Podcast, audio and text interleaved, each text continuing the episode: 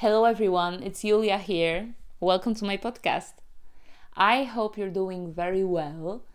To be honest, I am very excited today, and there are three reasons for that. The first thing is that this is my first time recording an episode in English. The second thing is I'm going to interview my guest abroad this time. And the third thing is that um, I'm going to interview my guest with my friend Kacper, who I asked to, to be there with us so we can have this conversation together. Since we're all in Paris and we had the opportunity to to record an episode for you, I thought it's gonna be even more interesting to hear not only two voices but three voices on the episode. Moving to the introduction of my next guest, uh, get ready, really, because he's a total rock star.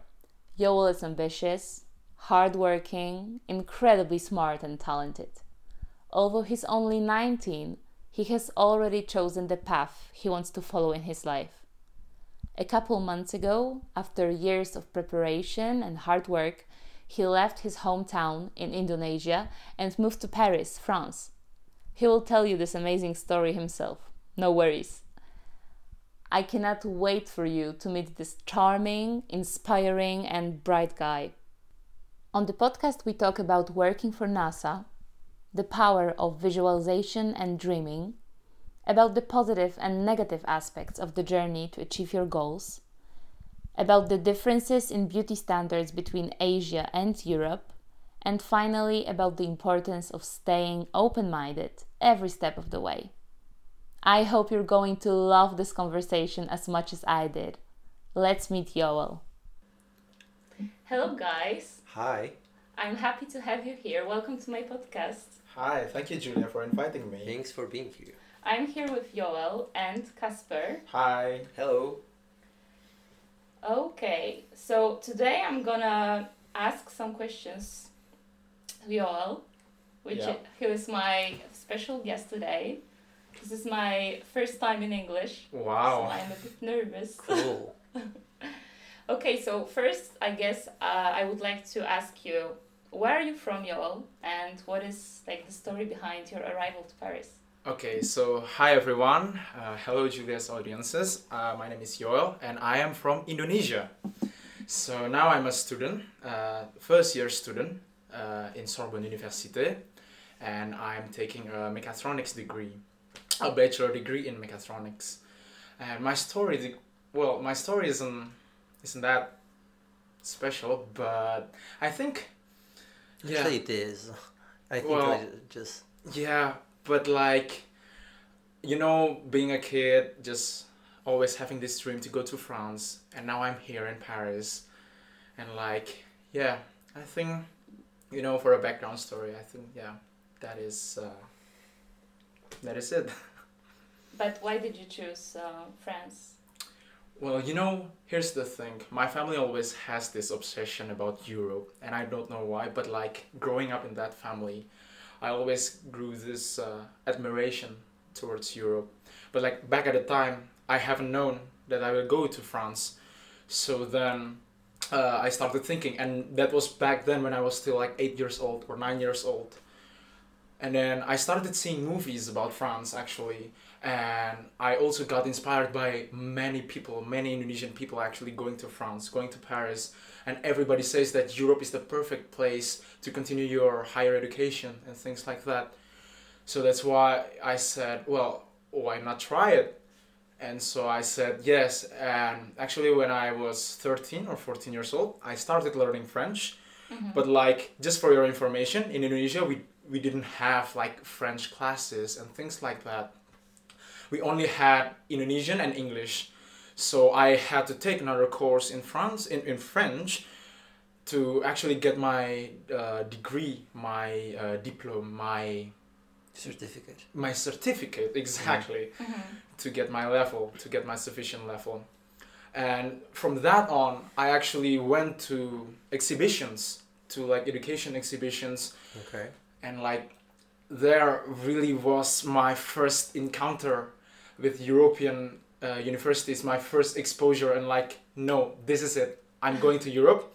but like furthermore france really has this charm that i can't get over with so that's why like no i really need to go to this country and then long story short i get my uh, b2 certificate when i was 15 so like i learned french for like two years or three years i get my b2 certificate Wow, it's very impressive. Yes, impressive. very impressive. No, but like actually, it's it's kind of long because I have friends here. Mhm. They learn French in only like seven months or eight months because they take the super intensive program. But I'm taking the extensive program, so like I went to course on Saturdays or even Sundays. Yes, they have that. It's extreme actually. I don't have, I don't think we have the same like measure for intensity of our curse like oh, Yeah, just oh. the Yeah, like it's a lot. yeah, Exactly. And- seven months. It's it's crazy. Yeah, for seven months, but like most of them. But like you know, because I have been planning earlier than them. Mhm. I've known since my uh, junior high school that I I was going to France. So like yeah, uh, in two years and three years I get my B two certificate. But like, that's that, that, there's actually a funny story going on there. You know, when I get my B two certificate, I prepared well. I prepared a lot, and somehow I didn't even know how.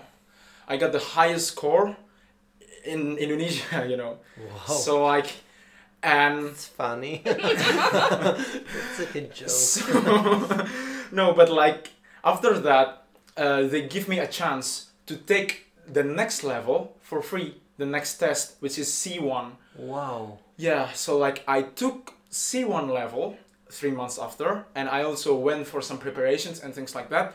But like in my months mindset, really like, no, you know what? I'll just take the test.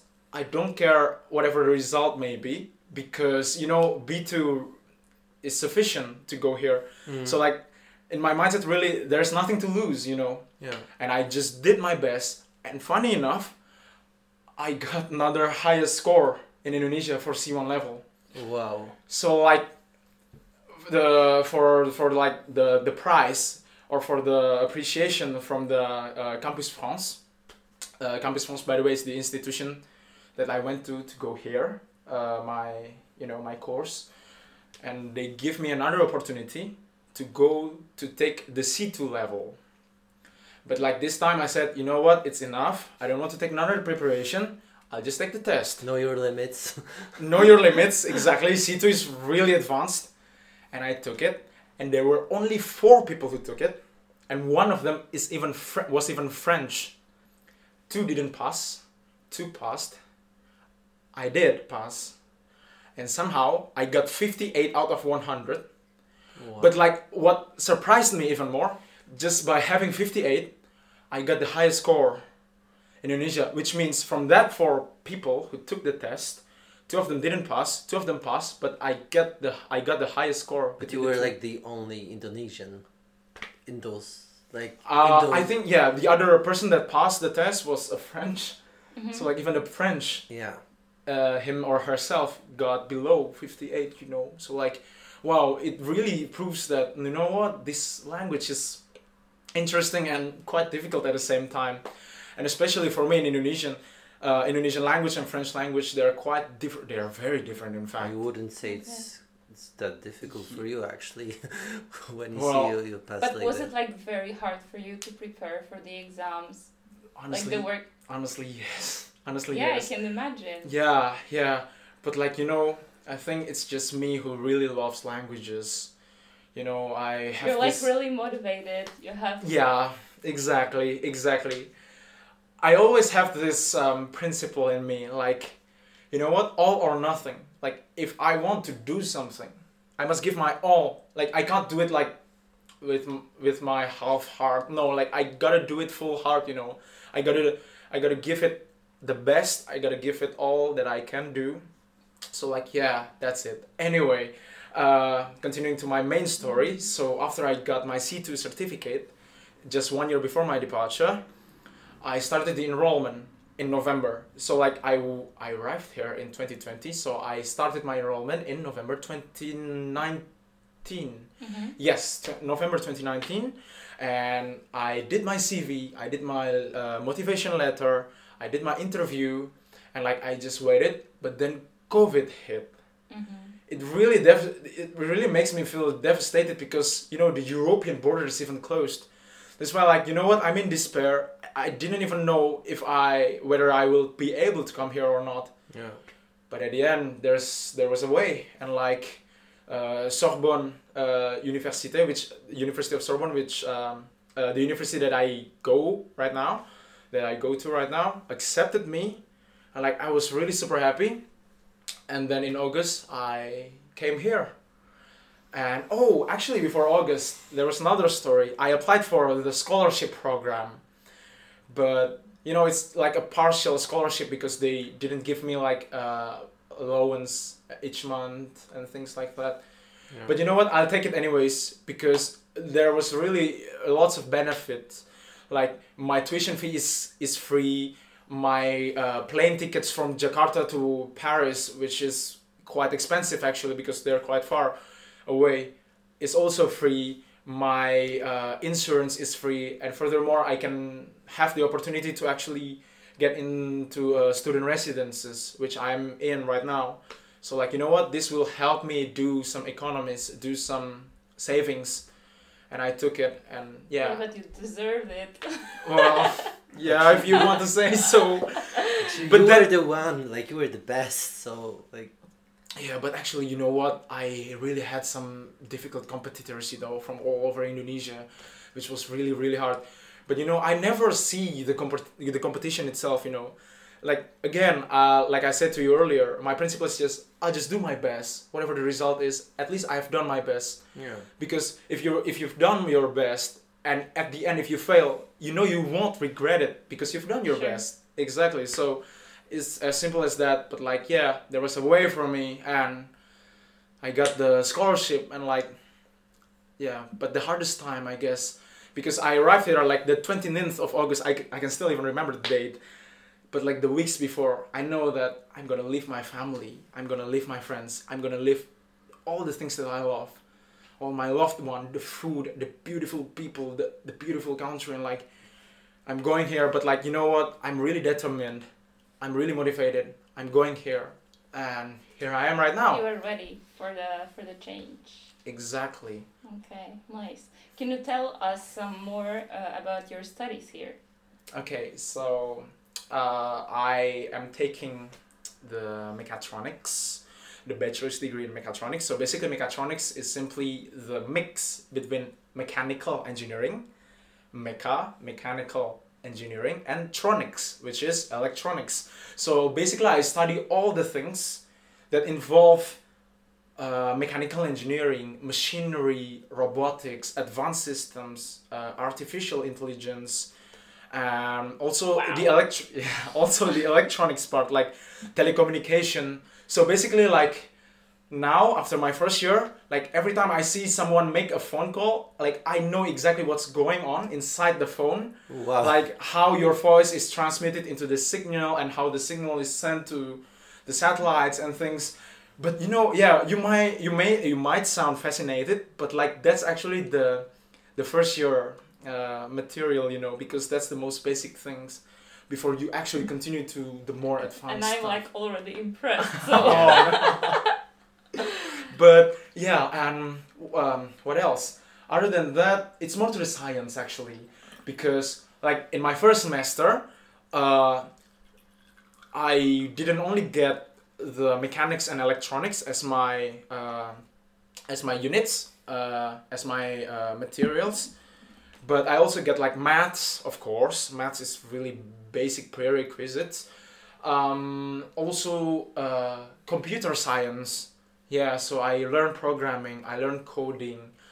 I learned to really write and develop things in programming languages. And in the second semester i started to focus more on the mechanical engineering and the electronics part which i will continue to this in, in the second year. So that is your favorite course. exactly. Okay. And in the second year actually you, you, you have to choose between the two because like there are many departments in Sorbonne Université in, Par- in uh, Paris 6 but you have to choose one So like I don't want to choose mechanical engineering and I don't want to choose just electronics. I want both. And actually Sorbonne is really nice to to some of their motivated students. They give the chance for the students that do well in in the campus to actually take a double degree. So like at the end of, of the third year, when you have your bachelor degree, you will have two degrees, two bachelor degrees. So in my case, I will have mechanical engineering degree and electronic degree separately, and that will really enlarge my options to go to the master's degree. You know, because they they really search for people who who have broad um, uh, competence, knowledge, skills about uh, about the, the the field that I'm studying in right now. Mhm. and so but the selection is quite hard but i'm hoping for the best.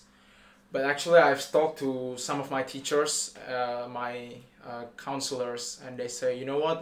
You will definitely make it but like i'm still not sure. But you know what? Again let's hope for the best. At least i've done my my part there. Yeah. yeah Okay. So, what is your dream job after your studies? oh Tell wow us a bit more about that. okay i'm i'm really trying to make this short because oh my god i can talk for hours about this but my dream job is really just to go to um, space agency you know like i have really this childhood dream and actually that's also one of the reasons why i go to europe because in indonesia you know it's a developing country it's not yet a developed country so it's quite hard to find a job in that field there. And yeah growing up i really thought you know what this will be my best shot my best opportunity. And you know my dream job is like if you know Nas- nasa like the the company that builds like rockets and things like that to the space. Mhm. so yeah basically it's more to to the aero aerospace part you know aerospace engineering part. Okay. so like being an aerospace engineer.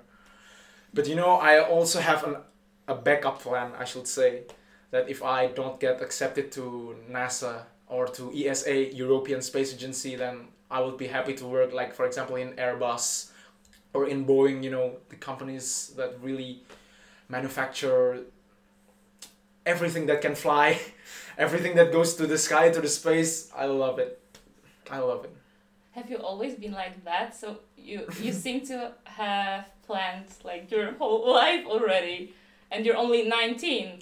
yeah I didn't say that. Yeah. Yeah, I'm 19 years old, by the way. Um, so yeah, I've, I, I gotta say, I've always been like that, because I know, I know this is kind of sometimes when I think about this, it makes me kind of sad, but like it also makes one of the things that motivates me to go further. Like, I can't imagine myself being in another place doing another job other than that. So like you know what? For me it's all or nothing. At least i've tried my best shot and i really want to get this job. I really want to get i can only imagine me in that field like really looking to to the space and i don't know some some people say that i'm always a a visionary a mm-hmm. visionary person and somewhat to to some degree i i, I agree actually And do you know where the this passion like come from? Why like the space? Why the like like yeah like you've already said everything this, everything's like the flying. Why does it come from? Like is it like too boring on Ear- Earth here? Like down there, it's not it's not fun enough just to like move around move here. around. Yeah yeah you just have, you always go to go somewhere else. You want more. yeah exactly i want more um, for me like you know as humans we can so like uh, we can of course walk so we can run so of course we can move on land on the earth we can also swim so like we can do something in the water but we cannot fly because we don't have wings. So like that's like that's the kind of mindset that i always have. Wow. what are the things that humans can't do anymore? And i always want to break that frontier you know. I always want something new. I always want this concept that is liberating me because like imagining flying like birds in the sky really seeing the world as it should be seen it amazes me and you know that's for the sky, but for the space, it's much much more. It always humbles me somehow uh, the the space world because I always see spatial movies and like once you get the grasp of how big the universe is, you realize that you're just a tiny tiny tiny part of it. It's infinitesimal actually uh, that we are humans, and it, it makes me always realize that how big my how no matter how big my problem is, it's nothing compared to the universe. And like it humbles me. And like you know what? It will pass. And i don't know. Somehow i always feel like we humans are inside a i don't want to say a cage but like we have these limitations. Mm-hmm. Yeah. but i believe that our minds can roam free. And like if we have will a determination strong enough i believe we can make that happen and actually it has already happened men already stepped their foot on the on the moon and soon enough to the mars so Mhm. like there's always this new frontier that we can actually try Mhm. and yeah i always want to be a part of it actually Wow, cool. Cool answer. so yeah And do you talk a, lot about the future during your courses, during your classes? Mhm. About the future, of course. Like even from the first day, from my first day in college, my 1st Mhm. day in university, my my professor has already said this. I'm all I'm I'm so happy to see you back. Well, why why did he say that? Because it was COVID before, so Yeah. like all the teachings, all Mhm. the lessons were uh, were online. So like seeing the students back in the amphitheater in the course class, and Mhm. he was so happy. I'm all I'm I'm really happy to see you guys back. I'm seeing the future in front of me right now, and like it really burns the flame inside of me. You know, like I am the future, and thinking about it, well, yes, we are the future. We are the young people that could change the world in the future. Well, the future belongs to us because we're still young and we still have years to live from now. So, like, if not us, if not me, who else is gonna do it? So, yeah, uh, back to your question do we talk about the future in the classes? Of course, like, both philosophically and both, like, technologically, like, every lesson that I have, it always. Uh, it always gets directed to the future stuff, Mhm. to the how can we advance this technology that this technology is already advanced but how can we advance even more to help the to, to help mankind achieve something better so i guess more or less this is a kind of mindset that is being built by the professors in in my university. Because yeah um, we are really oriented to the future you know the science kid the engineering uh, students. So yeah. Like, but do you talk about the climate change, about the environment? that part too actually um, but sadly you know i'm not uh, specialized in that subject because Okay. there's actually a, a special degree on that on um, i think if i'm not mistaken i think it's called climate engineering. Yes. Yeah climate engineering. And basically it really talks about climate change how to tackle it how to actually improve the the earth's climate that has already changed ever since Yeah, because actually at, at the Sorbonne you have many many different departments, and you have also like the kind of, for example, uh, social and climate changes in the culture. Like you have many different Mhm. different lectures or just like departments about this. Oops.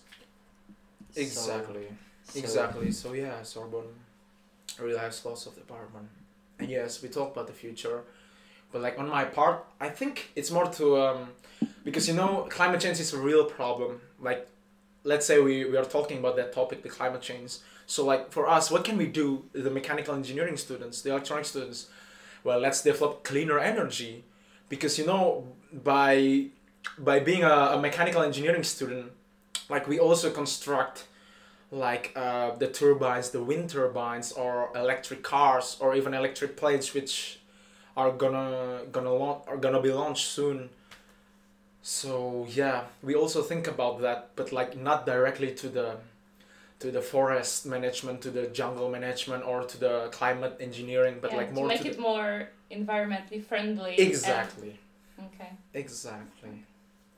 so now, now I would like to change the subject Okay. bit. I would like to ask you what were your first impressions when you arrived to France, like in terms of uh, Parisian lifestyle, Oh. their behavior, their Okay, that is actually a very interesting question. So, when I first got here, of course, I bet that every person that goes here, they already had this kind of um, stereotypes about Cliches, yeah. cliches about the Par- the Parisians, about how they are, and you know what?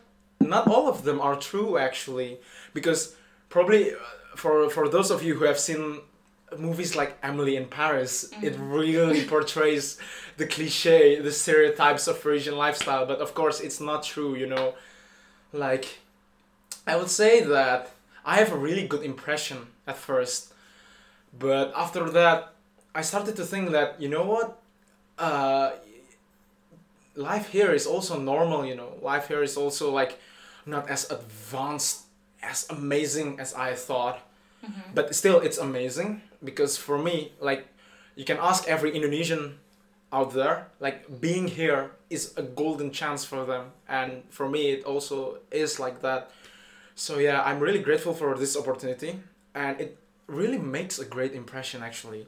So you know first of all um, i think I, I gotta tell you a bit of a background because i live in this background that i think yeah i told you earlier in the in the podcast that my family has this admiration of Europe, and I always admire the Europeans. Like, how can they develop this way of thinking, this lifestyle that really can advance their civilization, their society? You know, because you really, you guys really have like good transport, good infrastructure, um, like really, really good education. Technologies is really advanced there. Like I'm more to a curious. I'm more to curious to to know how you guys work, how you guys think, and like, yeah, basically, it's already planted in my mind that you know what Europeans are gonna be so so amazing, but then when I arrive here, it's true actually to some extent, but like of course not all of them are positive. There are there are also some uh, negative sides Right. that I that I find. Like for instance, uh, you know the Asians, or perhaps I would say more to the Indonesians, the Southeast Asians.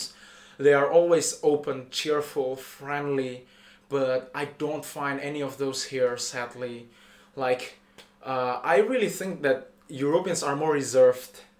Europeans, they are somewhat um, cold, but of course, again, this is my opinion because you know relate uh, relate relatively compared to the Indonesians like they're always um, welcoming. But like when I was here like life is quite tough. Like people are so individualistic. They won't help you and things like that. Yes of course they will there will be people that will help you but not all of them. And very few of them that are actually friendly so yeah it's kind of it, it's kind of it's kind of tough at the first weeks. Especially i have no friends. Like imagine i left all my best friends all my family all the things i know all the things i love back home just to travel 12000 kilometers far just to get here just to find out that you know what i gotta start again from zero. I have nobody here and i gotta make my way for it. I gotta mm-hmm. struggle. I really got mm-hmm. to work for it. And thankfully um, like two months after three months after i started to see friends at university i started to see uh, my neighbors. I started to see you guys. So like it's always nice you know to break that kind of uh, thinking that no you know okay indeed europeans they are more reserved but there will always be people who are also friendly who are also welcoming We're different. Everyone's Yeah. different. everyone's different. Exactly. Everyone's different. And that's the first thing that i see. The second thing that i notice is the cultural difference. The cultural difference is just extreme. It's just oh my god it's just obscene. It's just yeah it's hard to, to grasp you know because you guys really have an open culture i should say. In asian uh, we are not that uh, i don't know publicly open shall i say no, not open in that kind of way, but like in other things, like you guys talk about uh, topics that we don't talk quite often in Indonesia. Okay, that- like what? Like emotions, like deep, deep stuff. deep stuffs like philo- philosophical stuffs well we also talk about that but like the love life i think here is more open but like in indonesia it's not that open um yeah and actually it's nice you know and people here are so open-minded i should say. And really this is my ninth month here. Uh, next month will be my 10th month here.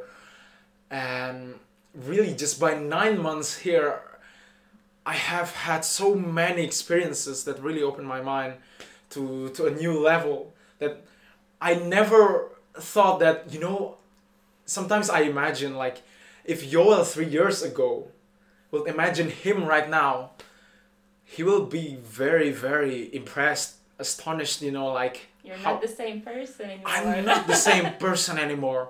And even every now and then, I always make this uh, phone calls to my family, to my friends, and like they are, wow, you know what? I'm so happy for you. You really have changed for the better, and you really have been so open right now. So yeah, those are the differences, I should say. But did you have some expectations arriving here? Hmm. Of course. Um, first of all, we all realize that France is um is one of the world's most developed country. You know, basically countries in Western Europe or even in Northern Europe. Yeah, you need to remember that you're in France. You know, Europe is very diverse. Yeah, exactly. Europe is very diverse, and that's actually one of the real realizations that I that I that I came to realize once I meet some other people from other nationalities, the Polish, the the, the Eastern Europeans. Like yeah, Europe are Europe Europe itself is also different, you know, from one region to another. Yeah, sure. I think it's more different than common actually. It's more why- different than common actually, exactly. But yeah. But still, I have really high expectation. Um, for the infrastructure, my expectation is met. In education, it's also met. But like in the in the bureaucracy and administration, it's not met at all. Like I expect here, the administration will be much better. But like you know, you have to wait for months to to obtain some certificates, to get your insurance, to get your uh, allocations, allowance, things like that. Yeah. It differs from country to country. I'd say that's, Hmm. but there's not not one way you, you could say it works in Europe, but actually yeah, there's there's some some deceiving things. Exactly, exactly. And I always thought, I know, probably for you it's a funny thought, but like, you know what? All European countries, they must be so clean, like so advanced. But like once I arrive in Paris, yeah, I still see some, you know, some some rubbish in the streets and things like that. So yeah, but it's normal. But again, compared to Indonesia, it's much cleaner. So yeah, still I'm happy here, because I've seen much worse in my home country. But yeah, so still here, although my high expectation is not completely met, but still, it's much better than back home in Indonesia, you know. Okay. But let's talk more about the cultural differences. Okay. Okay. For example, in terms of food, what, hmm. what is the approach in Indonesia? Food is very spicy in Indonesia because there are lots of spices. And you know, in fact, every Asian country they love spices. If you know Indian food, if you know Chinese food, um, Vietnamese food, Indonesian food, they really involve lots, lots of spices. And actually, an Indonesian typical kitchen, they really have lots of spices in the cupboards and things like that. So yeah, that's actually the first shock because arriving here food is so bland like why are they so tasteless they are good So But- you, you always have your spices in your backpack to Exactly. like spice it up. exactly honestly in the first month yes yes yes but now i get used to it more so yes and you know interesting fact like in indonesia you can even grab a chili and just bite it like I'm like, yeah, it's normal. but like, isn't it spicy? Yes, but we really get used to it. Our tongues, I guess, it really gets used to it because if it's not spicy, it's like it's not food if it's not spicy for us. But yeah, back uh, getting here, I I have to get I have to get myself used to it more, and also the typical Indonesian food always involves fries. Well, actually, that's a typical Asian food. You know, they always Even fries. even for breakfast, you eat fried things. No. Yeah, for breakfast we sometimes eat fried rice or porridge, chicken porridge, chicken porridge or fish porridge, but like uh, fried rice. And there are also we have also our own salad with uh, peanut um, peanut sauce, which is really good. Mm. Um, yeah, but breakfast breakfast isn't that much actually. The lunch is actually where things get really interesting because there are lots of food and oh and one interesting uh, difference about the culture is that i don't know if it's only the french people or it's common everywhere in europe but like here in france they have the appetizer the main course and the dessert in indonesia it's all combined in one plate so like I think eat it's a once. very French thing. Yeah, yeah. it's yeah. a very Don't French do that in Poland. Okay, okay. Because you know, in in French, like the the appetizer, you usually eat soup or you eat salad, and the main course you eat steak or things like that, and the dessert you eat perhaps ice cream or yogurt and things like that. But like Indonesian, no, we don't do that thing. We eat what we Neither eat. do we in Poland. It's actually like one Ah, okay. main course. And Interesting, actually. But do you always eat together, like with friends or family? Yes, Okay. yes, yes. Love. I really love to eat with. Uh, so it's a, it's an important part of the day. It's an important part of the day. Sure. Yeah. Okay. Yes, unless we are working, of course. But I guess that's the case all over the world. But like, yeah, we all always have this break, this lunch break, of course, and it's obligatory. Yeah, you you must have that in every institution, even in the companies. So like, yeah, when we eat, we also we usually eat with friends. It's always nice. Okay. Unless in the extreme case, like we don't have time, we have to rush, then yeah, perhaps we will eat alone. But like that's rarely the case. I, Okay. I Because should say. French people they love like celebrate their celebrating their meals, Yep. Yep. taking their time to Mm. enjoy. they can spend two to three hours just on one cup of coffee, you know. So yeah, yeah, we we also enjoy that. And for example, in terms of the education system, Mm. can Mm. you explain it to us? Okay, so basically it's quite the same.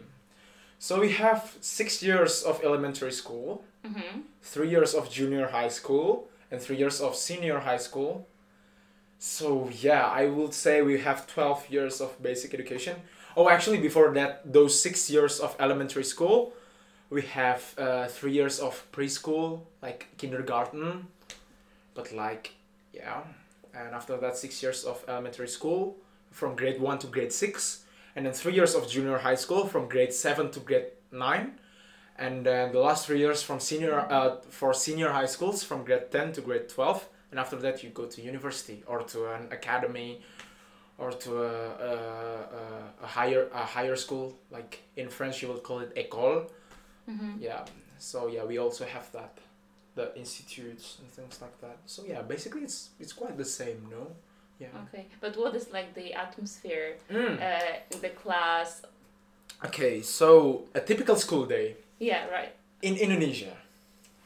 So most of the ch- most of the students they will wake up at around five a.m. Five a.m. 5 a.m.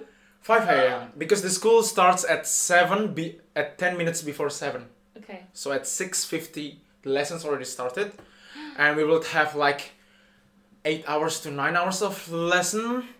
And so we will go we will go home at around 3 p.m or, or 4 p.m and after that we will have like extracurricular activities or organizational activities. I was actually very very active in my organizations. So yeah i i rarely go home. I rarely go home before like 2 p.m so like i will go home at around 6 p.m so like yeah from 6 to 6 but it's normal it's normal and like we have But you you were We schooled in a private school, isn't it? yeah, but that's also the case. That's if that's even worse in public schools because they have more Really? things to study. Wow. Really? But I was actually very lucky because my home, my house is actually quite close to the school. It's only like 2.8 kilometers away. So I always go there by bike. But I have friends that go to school in the capital because my hometown is like 30 kilometers from the capital. They would wake up at around 4 or half before 4, like 3.30. Oh my god, you Imagine Can't, you can't see my face, but I bet it's Yeah. it's quite You're not shocked. an early bird. No, at all. yeah, but we are all early day birds, and you know the traffic jams. Oh my god, no, I won't even mention that. It's just so so bad back home. But yeah, the school day and what else? Um, ah, we used to have when I was in uh, senior high, like in grade ten, grade eleven. I used to have like fifteen subjects. So like maths, uh, physics, chemistry, biology. I have even forgotten the rest, but yeah, fifteen subjects, which is a lot. We have lots of tasks, and basically we offer work actually, but that's why we really grew strong friendships because we knew that. You know what? We are in this together. We Mhm. struggle in this together Let's survive. to survive we we must survive guys so yeah we really created a, a strong bond between us and we really made a great best friends and things like that But uh, are the teachers encourage you to like in a positive way? They they're by your side always to to help you. some of the teachers are. Okay. some of the teachers are not. But i guess that's the case because you will have this one killer teacher back back back in school like they would all they would only um get mad and like scream and like why do you do that? Why did you do that? Can you do this better? Or like you know they shout at the students oh and one last interesting fact i don't know if it's also the case. We wear uniforms in school but yeah because well i know that the american school in public school too. in public school too Okay. of course yeah. We wear uniforms. And i used to go to school from monday to saturday but then in my last three years the saturday uh, is determined as a holiday. So yeah from that on from monday to friday but before it's it's common actually from monday to saturday and at So sundays no weekend parties. and um, so Monday to Sunday we, we, we had school. Sundays I have French course, so imagine I have no break from Monday to Sunday. But you know I really enjoy doing that. So like I really find But it- still, you need to rest. you need to, you You need don't to have, have, time fun. to sleep. Just Yeah. The s- sleeping time was actually quite mm, it's, it wasn't that It was great. a challenge. because I, you know, at busy weeks, like when we have exams, lots of tasks to submit. Some of the days I didn't sleep for the whole night. Sometimes I sleep at I slept at three, hence the eyes. I still have this, but like now I have better sleep. Um, yeah, I used to sleep like four or five hours, but like now not anymore. But really it has become a routine and i really got used to it. But actually that wasn't the worst because if you see other asian countries like in south korea or in japan or in china they have courses at 12 in the night or even courses that begin at 1 a.m just to go to to get accepted to the to the most prestigious universities But how is it like possible? Like, isn't is Yeah, it like against human rights or exactly that's what i thought that's what that, that's what i thought but like like me, like guardian of sleeping well? Just But like you know, when Isn't there's when there's a demand, there will always be a supply. You know, so like yo, that that courses teacher, I I- I guess because I get told by my Korean friends back home, like yeah, I knew some of them, and there are actually courses just to get accepted to universities. You know, because there are like this prestigious test like SAT test or things like Oh that. Yeah. like in Poland when you start the the, the lessons at seven thirty, seven a.m. It's like it's quite early already. Just like it's the other perception, I guess. And I'd have like a really que- a question that's re- that that was for me was really interesting when I when I asked you this a Mhm. couple months before bef- about beauty standards Yep. and the, especially the differences between Europe and Asia Yep. because I, I know there's a few Yep. and we, we spend a lot of hours I'd say about um, ju- but this topic, you know. yeah so just tell us a few about it because it's, it's really it's really interesting Yeah, and as you said, it it is indeed an interesting topic, you know, because um, I would say, I don't know. First of all, there's not only a few differences, but actually a lot of uh, differences, you know. First of all, from the f- uh, beauty standards, from the face structures, from the bodies, and things like that.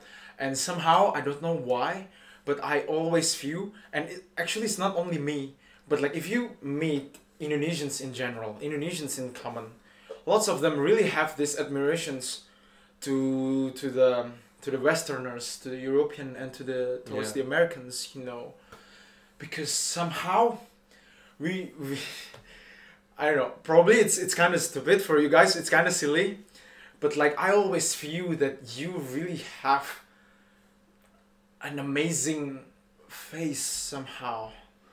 like if there was like a one like one hum- a white human face Yeah, exactly. And I don't even know why. Like back home, for all Indonesians, like people with blonde hair, white skin, like gorgeous blue or green eyes, and like pointy nose, and like um, how do I say with lips, uh, like thin lips, like God, it, it's considered gorgeous, you know, and like it's and even I I consider that so and I'm I was always I always have been struggling to actually get the get rid of that thought of my mind because I don't want to see people based on their I don't know from where they come from from their looks anymore but like somehow it's built in and Yeah. But actually don't you don't you think it's the impact that pop perhaps pop pop culture has on the society? yeah you see Hollywood films you see Hollywood movies Yeah, all and also like the Exactly.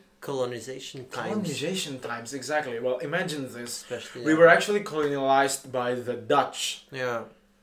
since since I don't know when actually, but we since back then. since back then, but we were colonialized for three hundred and fifty years, and imagine for that three hundred fifty years they were the superior uh, people. And we were the inferior people, like they, uh, well enslaved us and things like that, and like this view, is really embedded in our DNA, I should say. Yeah. like this thought. And it's not easy to get rid of this thought you know. Like once you see a european oh god it's superior than you although now it's obsolete. It's n- there's nothing there's n- no such thing anymore yeah. nowadays. But like actually that's also a kind of topic that always interests me. And you know the first time it's actually kind of funny. The first time i landed in uh, Charles de, no sorry in paris airport um, the first time i see the europeans like wow wow, i know i know it's silly right? But it's it's amazing it's just amazing. And like but now i started to get used to it yeah. Because I well every day I see European faces because I live in Europe. And like yeah I'm I could say that I'm happy with what I am right now. But that's okay the the admiration part it's kind of positive. But like the negative part is that indirectly it also I don't know makes us grow this inferiority complex yeah that's inside us. that sucks that sucks, exactly. Like, I always imagine, like, compared to a European, I know, I know it's toxic, I know it's it's negative, don't follow me, guys, but uh, every time I compare myself to a European, like, oh no, I'm just an ugly Asian boy. But, but like, it's awful it's awful, exactly, but it comes to a point where I get used to it. Yeah. and I started to confirm that in myself. Like, no, I'm ugly. I'm ugly. I'm ugly. I know. I know. It's not positive at all. It's no, just. but like, it's, an I think it's also like sorry for inter- inter- interrupting you, Yeah. but it's also because of the of lack of diversity and just just like uh, Julia mentioned in in pop culture actually that we're fighting for right now for for like Asians visibility or like peop black people visibility or Yeah. so just for we're fighting for this diversity even in terms of of, Of of really skin color skin tone Exactly, exactly. And I will I will agree with you actually. I am strongly agree with that. But you know that's why I, I always say I'm lucky to be here because Yeah. I really have the opportunity to get my mind turned upside down to really uh, revolutionize my mind, my way of thinking, to really blend myself yeah to people from all colors because that's not relevant anymore. Like, come on, Mm. it's really obsolete. It's back It's in like- the past. Now we live in a global, uh, in a globalized world, yeah and like, you know what? Let's advance as humans. There are no more white people, black people. No, we are Yeah. people. Yeah, we're like people with Humans. different pigmentation or like Exactly, eye shape. Exactly. Like that's it. Like Exactly, Just but grow but up, yeah, and you guys should also know this. Like back home, even with my parents, especially like my mom, but not just my mom. Like they always adore. Like every time we see movies, yeah, like look at that woman, it's just so beautiful. Like her golden eyes get sparkling beneath the sun, and like yeah. So I grew up based on that thinking, you know yeah, like oh my god they're beautiful they're beautiful and like this beauty standard this beauty Yeah. concept it started to get inside me you know.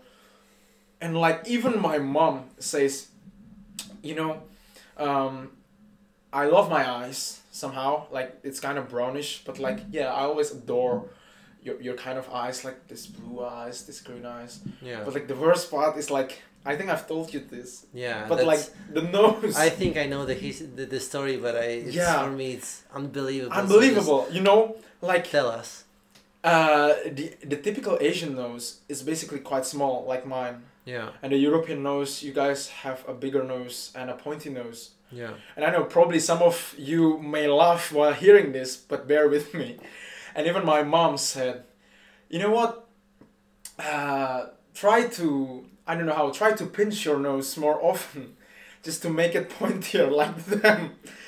And like I used to do it, but like I thought, you know what? This is silly yeah. this is just silly. I don't want to do it anymore. And like, but it Mom, shows I'm, like I'm really happy with what I am. But like, yeah, my mom always jokes about that. Like, it really has a, it really had a great. But it shows like this European like beauty standards impact that even if you, if you know it's yeah if you know it's not me maybe it's not like logical just to do this because it's not the way you could change like your Yeah, nose shape. no way. yeah, can so just like the you, you you can't exercise your nose I think just to change the, the the the shape, but actually just thinking you you might try it or maybe it's gonna like there's always like kind of 50-50 chances Well, it's and not it would worth it work, it. wor- It's not works yeah but worth just like imagine having this kind of like even like forcing maybe it's a big word but just making your son trying it it just it shows like the, there's some kind Mhm. of stereotypes that makes you makes you And the makes you do it yeah. yeah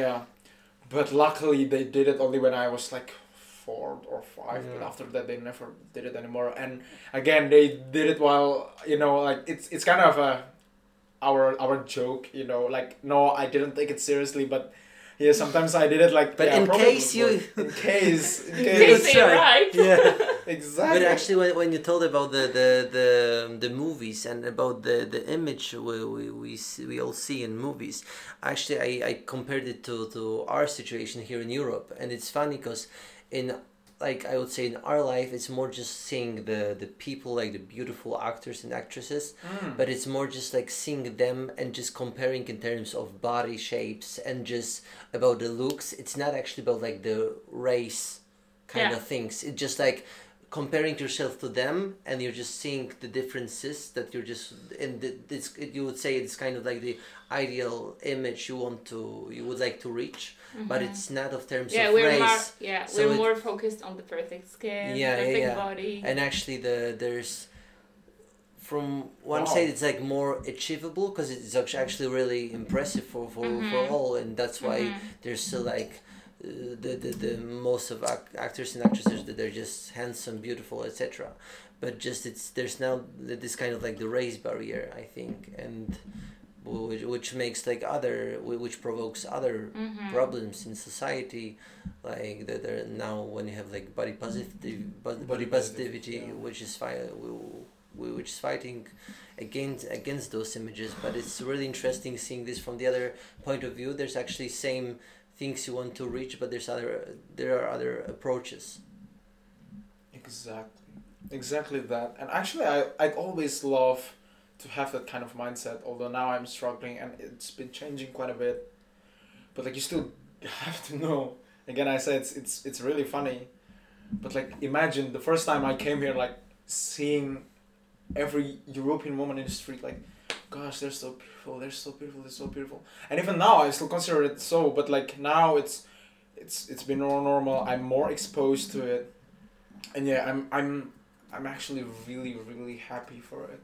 Yeah. Like i always want to have this this open mindset because you know even the publicities the advertisements back home in indonesia for like uh, perfumes for like clothes they use european or american people. Really wow It's because i think my asian cu- culture is known Yeah, for but- really for like just asian image which is sometimes it just changed into like more Mm, just mm. European standards, but still I see all those Chinese girls that just m- make Yeah, advertisements yeah. of, of good cosmetics or just other. but know. but but no worries about that because it's only for the higher marks like for example for chanel or things like that Mhm. sometimes for the bags yeah they use uh, european uh, i think they really just uh, copy paste the advertisement that they give in europe in paris and they transfer it to indonesia It's worthwhile, yeah. yeah, but like for local brands, for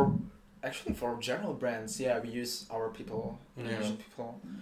But it's just to give you an image that your culture, the European and the Western culture, really has a huge, huge um, impact for other Mm. cultures in the in Asia.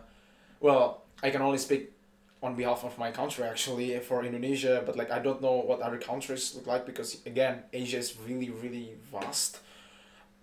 Um, yeah, but in general it's it's huge. It's huge, and we also love the the Koreans, the Japanese, although we are Asian, but like not all of Asians are the same Yeah. because the first time you hear the word Asian, I'm sure that your mind will refer to Japanese, Chinese, Koreans, but like take an example of me, Indonesians. We are also Asians, you know, but like we are only uh, the the Southeast Asian part. That's maybe that's maybe our case too. When you say Europeans, you're not actually think you think immediately to about Pol- Polish people. Mm-hmm. You would say Italians, French, Italian, French, yeah. Spanish, German. German. Yeah, Yeah. and there's the, just the Stereotype. this this side of Europe. This that's- side of Europe. Like the Western Europe yeah. only. Yeah. yeah. Okay, yo, are you ready for some quick fire questions? All right, I'm ready. Um, Go for it. okay. Okay, you're in. Yeah, I agree. What are the three things you could do every day for the rest of your lives? For the rest of your life. Wow. Okay. Reading books, looking at the sky. I know it's weird. Bear with me. And and playing some board games because I love board games Okay, cool. for ones. What is the next? Uh, what is your next travel destination? Spain. Um, what would you like to do at least once in your life? The thing you've never done before. Visit every country there is in this world. Yes, that's my that's my ultimate dream. Beginning with Spain. Beginning with Spain. um, what is your favorite food? Okay, it's an Indonesian food, so I will I will call the name. Uh, it's called nasi bebek. Nasi bebek. It's basically um a duck rice. It's extremely good. It's insanely good. So basically, it's rice and a fried duck. Um, the sauce, the sauce is just oh my god! I can't even imagine it. Like it's so good. Like ah yeah, nasi bebek in Indonesian, but in in English it's called duck rice. Cool. Um, what are three things you miss the most being f- so far uh, away from your country? my family, my best friends, the food. The food. yeah. Um, what do you think are the things that French people or just like Europe should uh, learn from Indonesia? I think Europeans should learn to be more open, more welcoming to other people. Yeah, I would love that to happen actually. Because it will be a nicer place if all people really are not that judgmental or are not so closed, are not so reserved, so individualistic. Yeah, it will be a nicer place because it will be a lot easier for you to make a new connection, to connect with people. Cool, thank you. Uh, so, as you know, my podcast is uh, my podcast title is Rozmowy Otwarte, Yep. which means like open conversations. So, I would like to ask you, what is the open conversation to you? What does it mean to you? What does it bring to your life? Okay, an open conversation is a type of conversation in which nobody has no constraints, has no obstacles to say, to think, and to behave like how they should behave or how they want to behave or how they want or like they can basically they can say the things that they want to say from heart to heart from their mind to mind. Um, that being achieved it's already an open conversation you know because now probably you guys may think here like yeah it's common here but like actually this is kind of a special a special concept because back home like there are certain topics that we can't talk about and like there are some sensitive topics but like i always long to have open conversations you know conversations with open-minded people so yeah that actually has quite an important meaning for me yeah Okay. Thank you, guys. Thank you. thank you julia It's our pleasure. Thank you for listening. I hope that you all enjoyed this episode and that you feel motivated to fight and work hard for your dreams to happen. I know I do. As always, I invite you to visit my Instagram account to learn more about my guests and the podcast. Actually, this was the last episode of the first season of Rozmowy Otwarte podcast, but no worries, I'm coming back very, very soon with new inspiring stories to tell you. Get ready and stay tuned. Bye bye. Thank you guys. Cześć, dziękuję.